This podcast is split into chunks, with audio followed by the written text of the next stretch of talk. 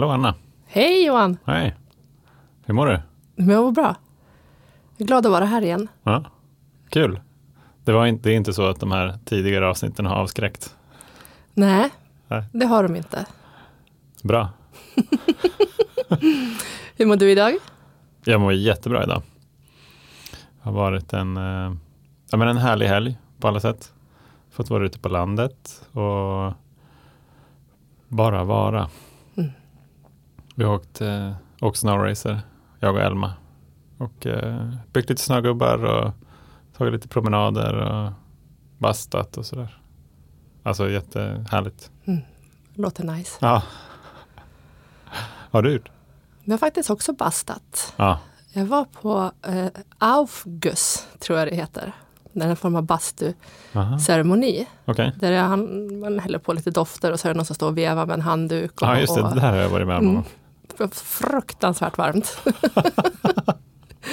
Men det blev lite så här på nytt född Ja. känsla efteråt när man gick i någon sån här kall tunna. Ja, just det. Mm.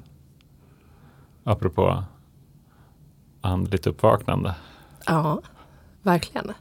Var det där någonting också som, alltså det med bastu, var det någonting som var i ditt liv när du var aktiv också? Ja. Jag tyckte att det var också en, en, en metod att kunna slappna av och att hjärnan fick lite paus när man kom upp till en, en särskild temperatur. Ja. så, så blev jag avslappnad. Ja, så jag har, inte alltid, men eh, senaste tio åren verkligen, verkligen uppskattat Mm. bastun. Jag tänker att det är, ju, det är svårt att inte vara helt närvarande när det är tokvarmt och liksom fuktigt Mm. och sådär. Alltså, hjärnan är där och jag är i det där som händer. Mm. För att det är så uppslukande på något sätt. Mm. Precis, att du bara gör en sak och det är att vara i bastun. Mm.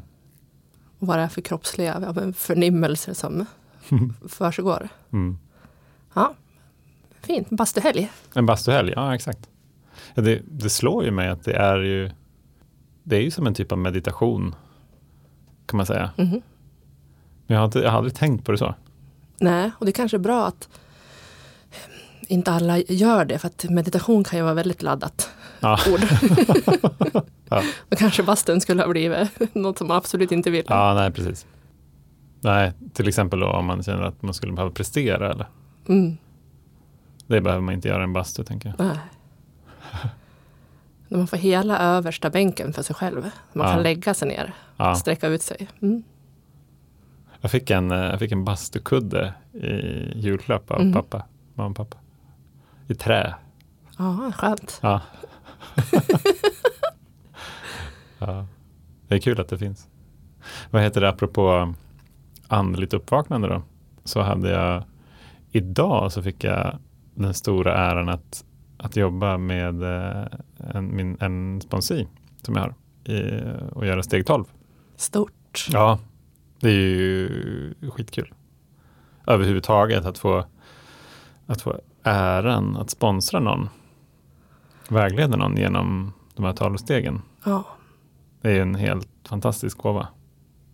Att få se och vara en del av den här ja, men transformationen som det är. Hos en annan individ. Mm. Har du, sponsrar du nu?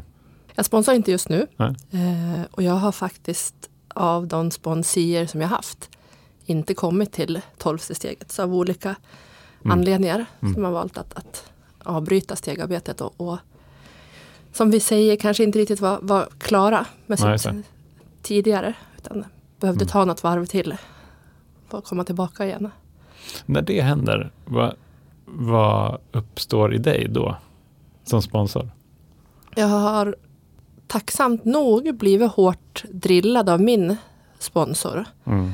Att inte ha någon rädslor över det och, och funderingar. Skulle jag ha gjort någonting annorlunda eller det var mitt fel eller Mm. om jag bara hade gjort si eller så. Utan att det, det här är en del av, av processen i tillfrisknande.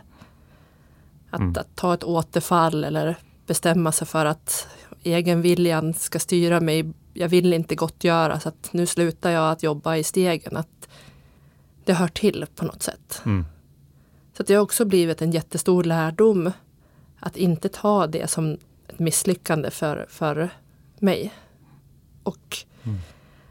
att veta också att, att, allt som vi har gjort tillsammans med sponsin har ju lett någonstans framåt på den personens eh, resa också. Mm. Och att när tiden är rätt så kommer den här personen att, att ja, det kommer att ske det som ska ske. Mm. Så någon tillit kanske det handlar om. Ja, precis. Ja, det är väldigt klokt. Tänker jag. Annars så risken är att det blir ditt ansvar någonstans. Både att personen håller sig nykter eller då ansvarig för att den personen har tagit ett återfall. Och det är inte någon annans än den som gör det. Nej. Nej, men och det är ju så viktigt att det görs så tydligt så mm. tidigt. Mm. Det finns ju tillräckligt liksom spänning att det som du beskrev, att ta sig an, att, att guida en person genom, genom stegen. Och sen lägga på ett, ett ansvar för den personen också. Jag slår ju bakut från mm. det och medberoendetendenser och you name it. Ja, precis. Det, och det är exakt det det är ju. Ja. Vad har varit den, liksom, några andra lärdomar då från sponsorskapet hos dig? Ja, eh, alltså att det handlar ju när jag har sponsrat av att man hörs med en, en person då, som man kallar sin sponsi varje dag under en väldigt, väldigt lång tid. Mm. Där man gör en, en incheckning av hur dagen har sett ut och, och drar till sig lärdomar och jobbar i stegen. Och du sa ju tidigare att få, att få följa med i en persons utveckling och ta del av det och få dela med sig av det som man har gjort själv. Det går inte att... Jag kan inte säga att jag har upplevt det någon annan gång än någonting annat. Det jag gör i, i livet. Det är rätt stort. Det är, jag kan inte svara riktigt. Du har ju precis varit med om det här. Vad säger du? En, den första som jag tänkte på var så här, vad hördes ni varje dag? Mm. Det var regeln från min sponsor. Ja, ja men det, det, är så kul också för att det är ju verkligen, jag menar, stegen är de samma och liksom, vi utgår från samma stora boken. Men hur det görs, liksom, sådär, det är verkligen ja, det, det, är val som man, som man får göra själv. Mm. Jag tror att om jag hade ringt min sponsor varje dag, då hade han nog avbrutit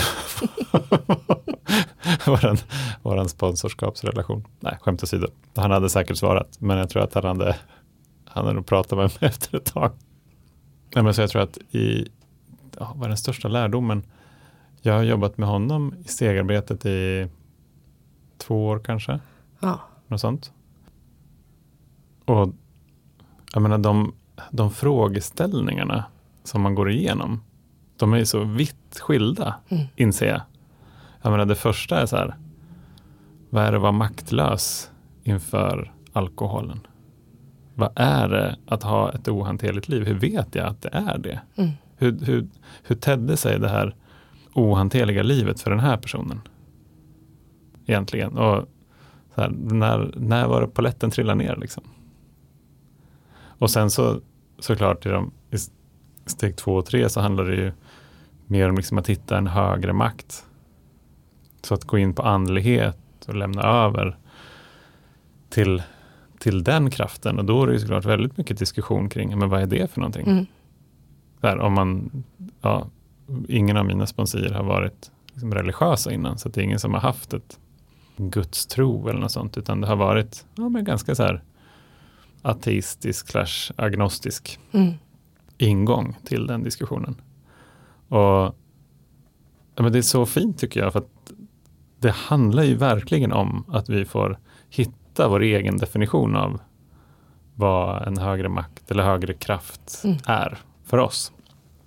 Och, och, det spelar ingen roll exakt vad den är. Bara det att vi vet att den finns och att den hjälper oss. Mm, precis. Det är eh, extremt kraftfullt. Och sen så är det inte så att nu har jag äntligen hittat den och sen är den statisk. Nej. Utan det är klart att i, i stegprocessen så det så händer det ju mycket och jag menar, i, i våra liv överhuvudtaget. Så vi, vi formas och vi formar både vår omvärld och våra tankar om vad en högre kraft är till exempel. Så att den utvecklas ju också. Men den finns där i någon utsträckning i alla fall. Mm. Och att det, det, är formulerat så att jag kom till tro att det, fanns en, att det finns en högre makt. Att Mm. vi liksom är villiga att, att tro. Mm. Och det är som fin del. Vi behöver inte ha allting klart innan utan där och då så väljer jag att ja, jag tror att det finns någonting. Mm. Sen så kan det komma, eller kommer massa bevis på det liksom under tillfrisknandet. Mm. Ja, exakt. Men det kan ju bli mycket spännande diskussioner och i- ifrågasättningar just under, under de tidiga stegen. Liksom. Ja, precis. Men och jag tänker att det är ju helt i sin ordning Ja, också. Vi pratade om det idag då. Att, men vi har ju en programmering med oss. Alltså från, som börjar när vi föds egentligen. Så, och så programmeras vi av våra föräldrar och av samhället och normer och sådär. Och det är klart att den är ju ganska, den känns ju ganska fast cementerad. För att det är den vi har haft hela våra liv. Så att, att börja liksom rucka på den där, det är det som är svårt. mm. Och om man då har haft en, en, en föreställning om att, eller man kanske inte har brytt sig överhuvudtaget om Gud. Och sen så ska man börja göra det. Mm. Det är klart att det kan börja skava. jag har ju sett det också som, och, och vilket mina tidigare sponsorer har sett likadant. Det var det spännande att, att ha fått gå igenom det flera, flera gånger, fast från lite olika personer. Att Mm. tro på någonting, en, en kraft större än sig själv och att överlämna sig till den är lite som att man ger upp och, och eh, lite inte tycker sig själv ha något eget ansvar. Och att det Mm. går emot det som man egentligen tror på, att det skulle finnas några motstridigheter mellan att, att överlämna sig till en kraft högre än sig själv och då liksom ta, sluta ta ansvar. Medan Mm. om man tänker på hur stegen ser ut så är det ju precis tvärt emot. Att Ja, precis. det handlar om att ta ansvar och inse att jag kan inte styra showen Nej. själv. Det måste någon annan göra. Nu har jag försökt här Mm. och det har gått åt pipsvängen. Ja. Så det tycker jag har varit väldigt intressant där. Att man liksom Mm. fortfarande väldigt håller fast, fast vid sin egen vilja och jag ska fixa det här eh, själv. Varför är vi så fast förvissade om att vi kan fixa det själva innan vi ger upp? Innan vi kapitulerar? Ja, men spontant tänker jag att det är någon överlevnadskraft. Liksom. Mm. Kanske någonting om att vi inte vet vad det är. Om man inte har en stark övertygelse som att det finns en, en gud eller vad det nu kan tänkas vara man tror på. Så Mm. vill vi ju ha någon form av bevis innan man lägger sitt liv i någon, någon annans händer. Mm. Har jag blivit uppfostrad i alla fall. Att man ska kunna ta hand om sig själv och reda sig.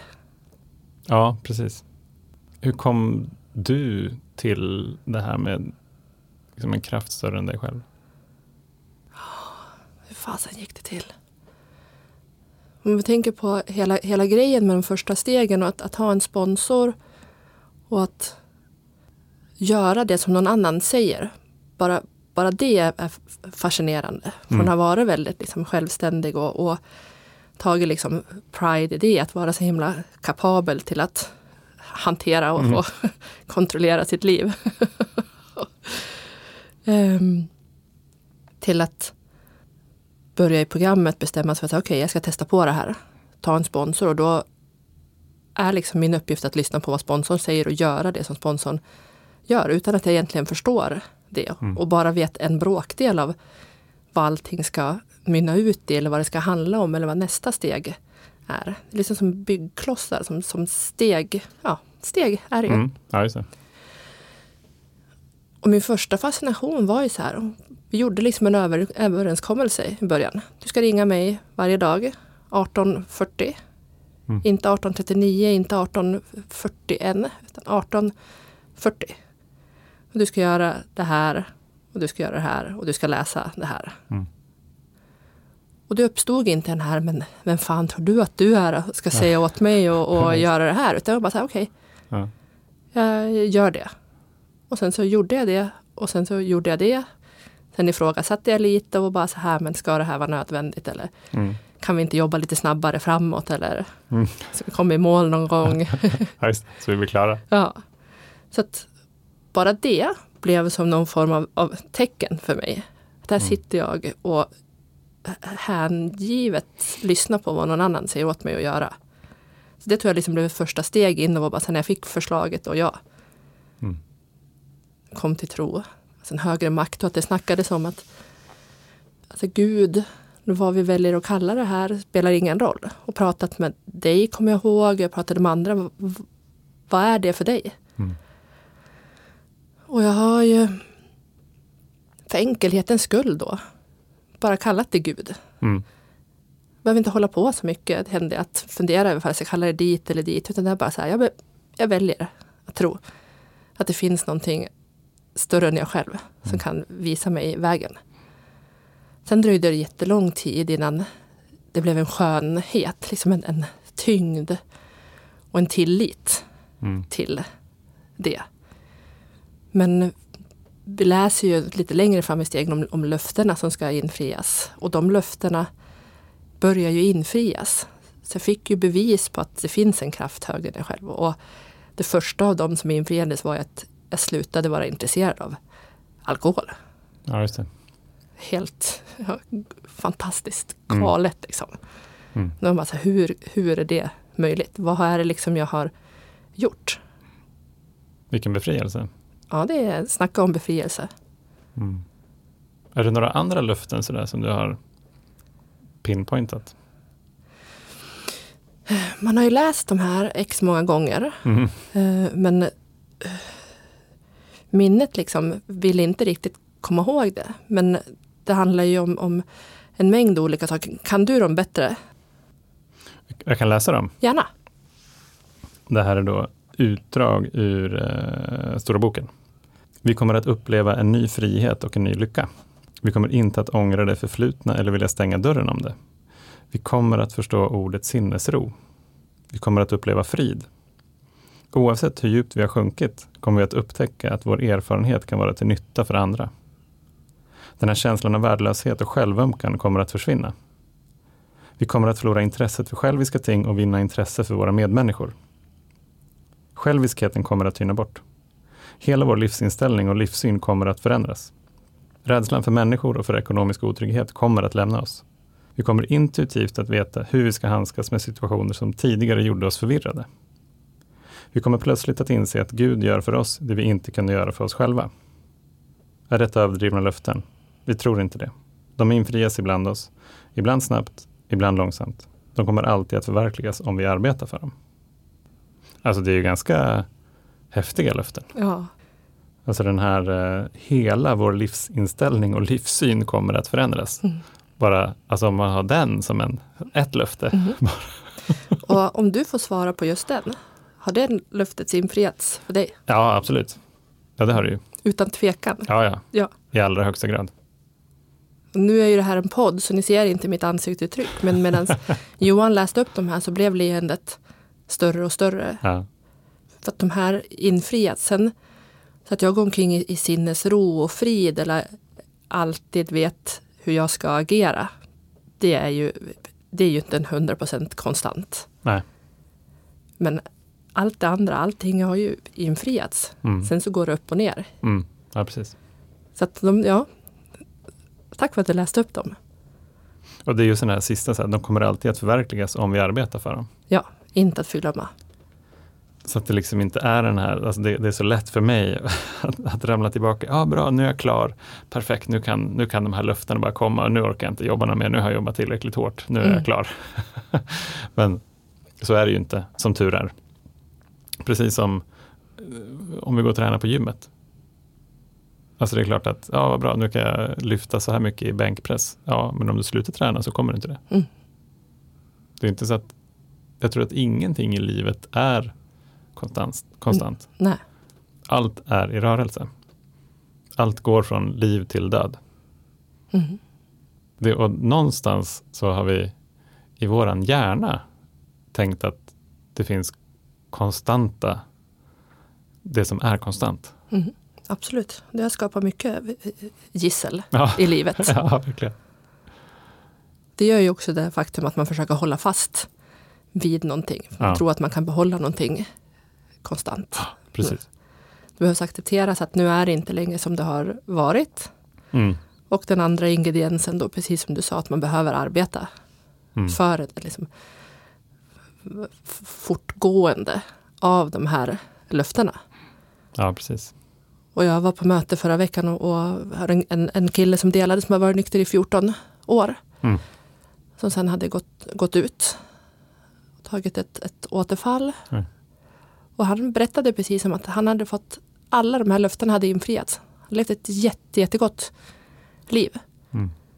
Men att under den korta period som han befann sig då i, i återfall så raserades allt. Mm. Han slutade och, och jobba för det. Mm. Så det är en, en, en färskvara. Mm. Och det är väl lite det också som, om vi kommer tillbaka till tolfte steget som vi började med, att du gjorde med din sponsor idag. Vad, vad är, vad är liksom det tolfte steget?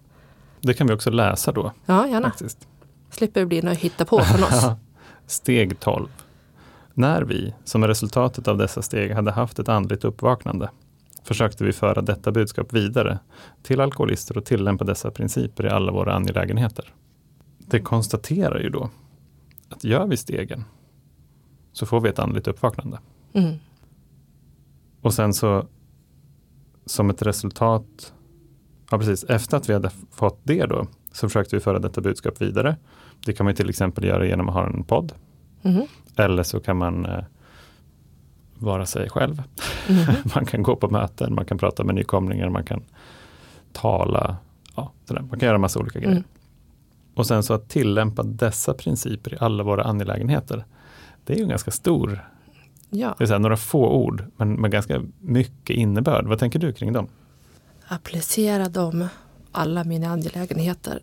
Ehm, det är nästan ogreppbart och förståeligt på samma gång. Mm. Jag fick någon sån här liknelse som att när man börjar fundera över månen och eh, ebb och flod och hur det påverkar, då drar jag också iväg så, så att jag måste nästan stänga av för Ja, frågan just- blir för, för stor. Men att allting som försiggår i livet, jag delade ju lite av det på förra, för förra Mm. avsnittet. Om att jag under separationen med, med min sambo applicerade stegarbete på hanteringen av Mm, den sorgen och, och rädslan som uppstod.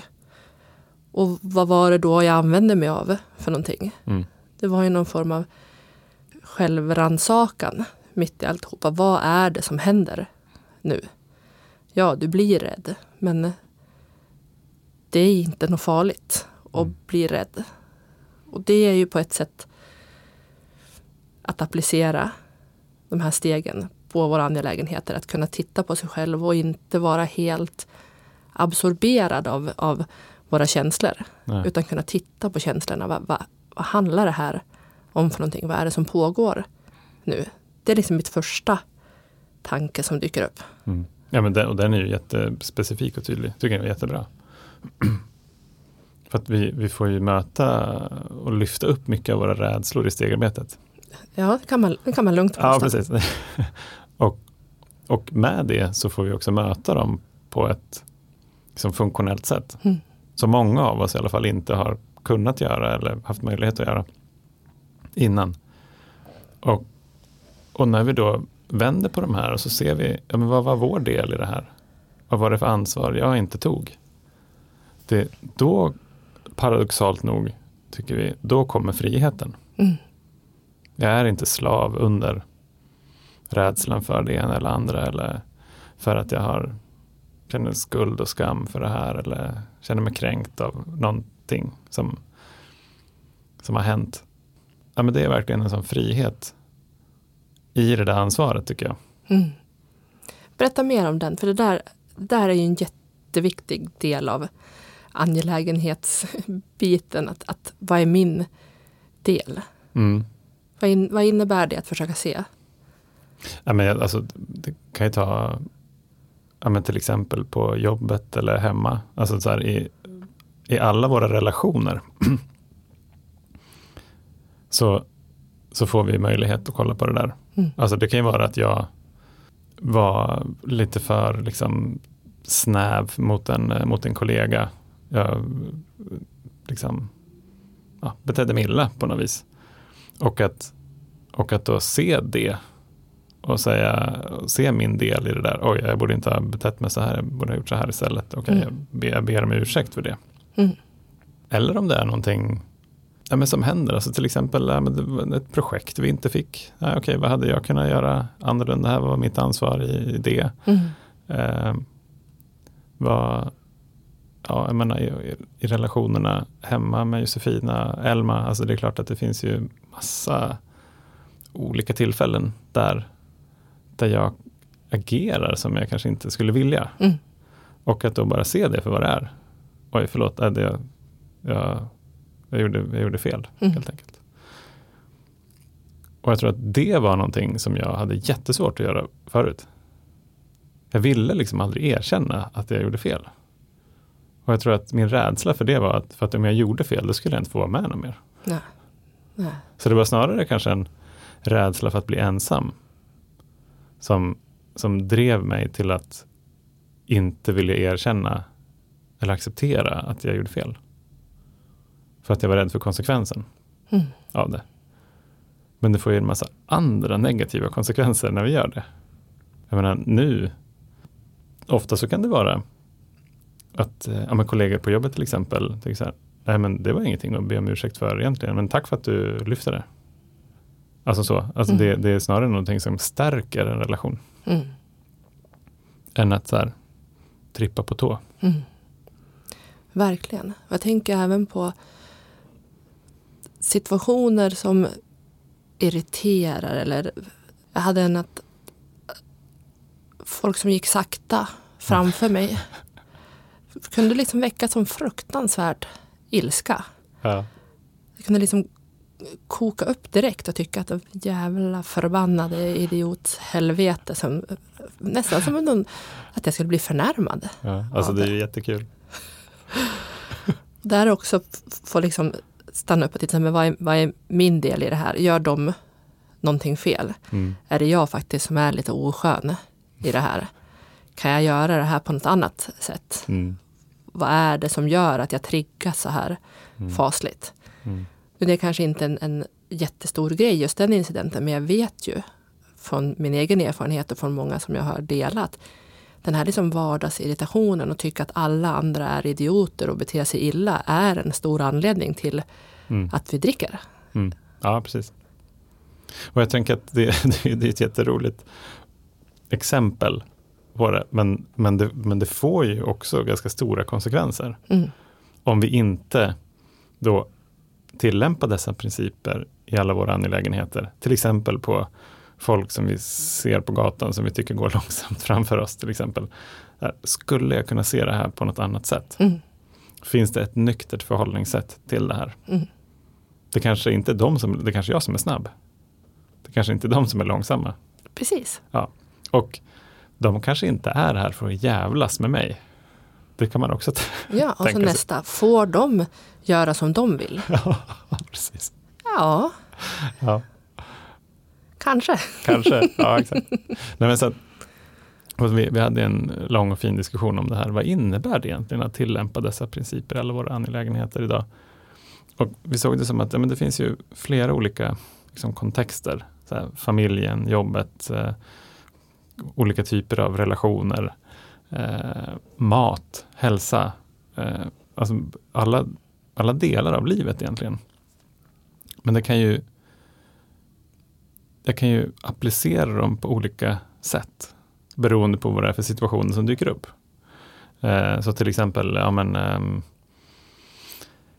eh, i det här fallet så pratar vi om en, eh, ja, men en, en intervjuprocess. Ja, men hur kan man agera nyktert i en sån?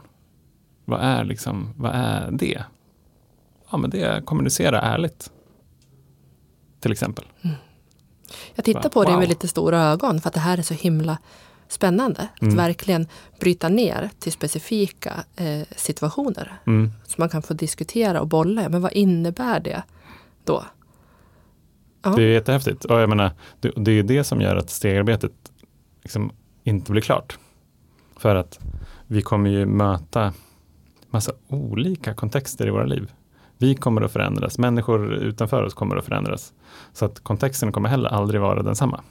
Och att då alla de här verktygen som vi får, de här principerna som vi kallar dem då, att ta dem och använda dem i de här olika liksom, eh, punkterna där vi möter andra. Mm. Eller oss själva för den delen. Jag till exempel fick ju den stora äran att applicera de här principerna på mat. Mm. För att en, av, en av konsekvenserna som jag fick var att jag fick magkatarr av att jag hade ätit alldeles, alldeles för snabbt och druckit alldeles för mycket kaffe under Mm. alldeles för lång tid. Så det var ju på något vis här att, att slå i botten i någon mening i mitt förhållningssätt kopplat till mat. Och när jag fick syn på det där, då var det så här, va? Men jag, liksom, jag äter ju och dricker kaffe då, alkoholistiskt. Precis. Jag är så här jättestressad och ja, ja, jag måste bara i, jag måste köra på och så här. Det är klart att magen reagerar. Så att hur skulle jag kunna hur skulle jag kunna applicera ett nyktert förhållningssätt på det här? Ja, jag skulle kunna känna efter. Till exempel. Det, det är den första. Så att då insåg jag att för att jag ska kunna känna efter, då måste jag börja tugga maten. Det gjorde jag inte heller. Jag hade inte tid att tugga maten. Men det var tvungen att gå så jävla fort. Så, och, och det fick ju en massa positiva konsekvenser åt, liksom åt andra hållet. Mm. Och att det gör ju då att jag dels inte är stressad, så liksom hela mitt system kommer ju ikapp lite grann. Jag insåg också att jag mår väldigt bra om jag fastar med jämna mellanrum. Mhm. Så att magen får vila och så här. Och sen så var det helt naturligt att sluta med kaffe, för att det var någonting som jag kände att men kroppen vill inte ha det. Så att det var väldigt intressant tycker jag att applicera stegen och principerna på en sån konkret grej som Mm. där det är klart att konsekvenserna av att jag äter lite för fort och dricker kaffe, det blir inte lika förödande som när jag är aktiv i alkoholismen, men, eller dricker alkohol. Men ändå, mitt liv blir bättre Mm. om jag har ett nyktert förhållningssätt till det också. För att den, den, den mentala besattheten går ju att applicera på egentligen alla angelägenheter också. Ja, precis. Och precis som du säger, även om, om konsekvenserna kanske inte blir lika förödande. Men att ha en mental besatthet och vara, vara slav för ett, ett begär eller det är, ju in, det är ju inte att vara fri. Nej, precis. På så sätt så är det någonting som verkligen tär eller skaver eller påverkar livet och då påverkar alla angelägenheter, Mm. relationer och, och you name it. Så att det är ju också en del, tänker jag, av, nykterheten efter man har kommit förbi den mentala besattheten för alkohol eller Mm. droger. Att det dyker upp andra saker som man drar till Mm. the extreme. Det är väldigt klokt tycker jag att vi kan vara mentalt besatta i alla angelägenheter också. och det kan ju vara antingen mat eller jobb eller någonting. Mm. Och att det är, jag menar om man tar motsatsen till beroende, blir då liksom frigörelse. Mm. Det vill säga vi kan använda de här verktygen för att frigöra oss från olika saker. Olika ja, mentala besattheter. Precis. Det är ju extremt coolt egentligen.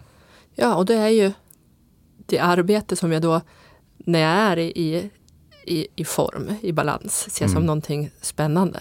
Någonting som är nyfiket. Mm. Vad är de här olika? För att det är ju inte som någon öppen bok och det står tydligt. Nej. Det, är, det är ju arbetet i, i att det här är liksom en, en konstant arbete framåt. Mm. Du blir, inte, du blir inte klar. Men att ha förmågan som är viktig för mig att kunna se det som någonting spännande och ändå inte vara hård mot mig själv heller när jag inte alltid kan direkt applicera dessa principer på alla mina angelägenheter. Utan det är ju, Nej. det är liv, det är livslångt projekt. Mm. Ja, precis. Och därav en av principerna är vi strävar efter andliga framsteg, inte andlig fullkomlighet. Word. Eh, ack så viktiga att komma ihåg. Mm. Och att det är liksom vår strävan som är, som är det viktiga. Mm. Vad kul det här var att prata om. Mm. Vad tar du med dig, Anna, från samtalet? Jag tar med mig att kunna plocka upp från andra i min, min närhet och från då gemenskapen. Hur andra gör för att applicera det med principerna på alla angelägenheter är ju det är så jag, jag lär mig och det är jag väldigt tacksam för att det är så, att det är så programmet funkar. Mm. Vad säger du Johan? Ja, men det var perfekt timing att prata om det här direkt efter en, en sån fokuserad stegarbetsdag som också var steg 12. Det blir på något vis så uppenbart igen, alltså så en påminnelse om att egentligen så har liksom programmet och nykterheten väldigt, väldigt lite med alkohol eller droger att göra. Det är bara så halva första steget. Mm. Och sen resten är ett utforskande av allt det där som gjorde att vi kände oss tvungna inom citattecken att dricka eller ta droger. Och att det finns ju då oändligt mycket att utforska. Mm. Och vilken lyx det är. Att det, att det är en gåva i sig. Att få fortsätta den här upptäcktsfärden. Mm. Med hjälp av andra som är på ungefär samma resa. Men har hittat olika andra grejer i sina liv för att omständigheterna är annorlunda. Mm. Jag kunde inte sagt det bättre själv. Det är härligt ju. ja, hörni. Då har, vi, då har vi avslutat premiäravsnittet med Anna och Johan. Mm. vi får väl se om Roger kommer tillbaka. vi släpper tillbaka honom in i, in i etern. Jo, det tror jag. Roger, du är välkommen när du vill. Eh, tack till eh, alla er som har eh, hört av er. Till alla er som eh, ja, men peppar och föreslår gäster och teman och så. Vi finns på alkispodden.gmail.com och på, eh, på Instagram och eh, Facebook. Då får ni ha en, eh, en grymt trevlig helg så hörs vi snart. Hej då! Hej då!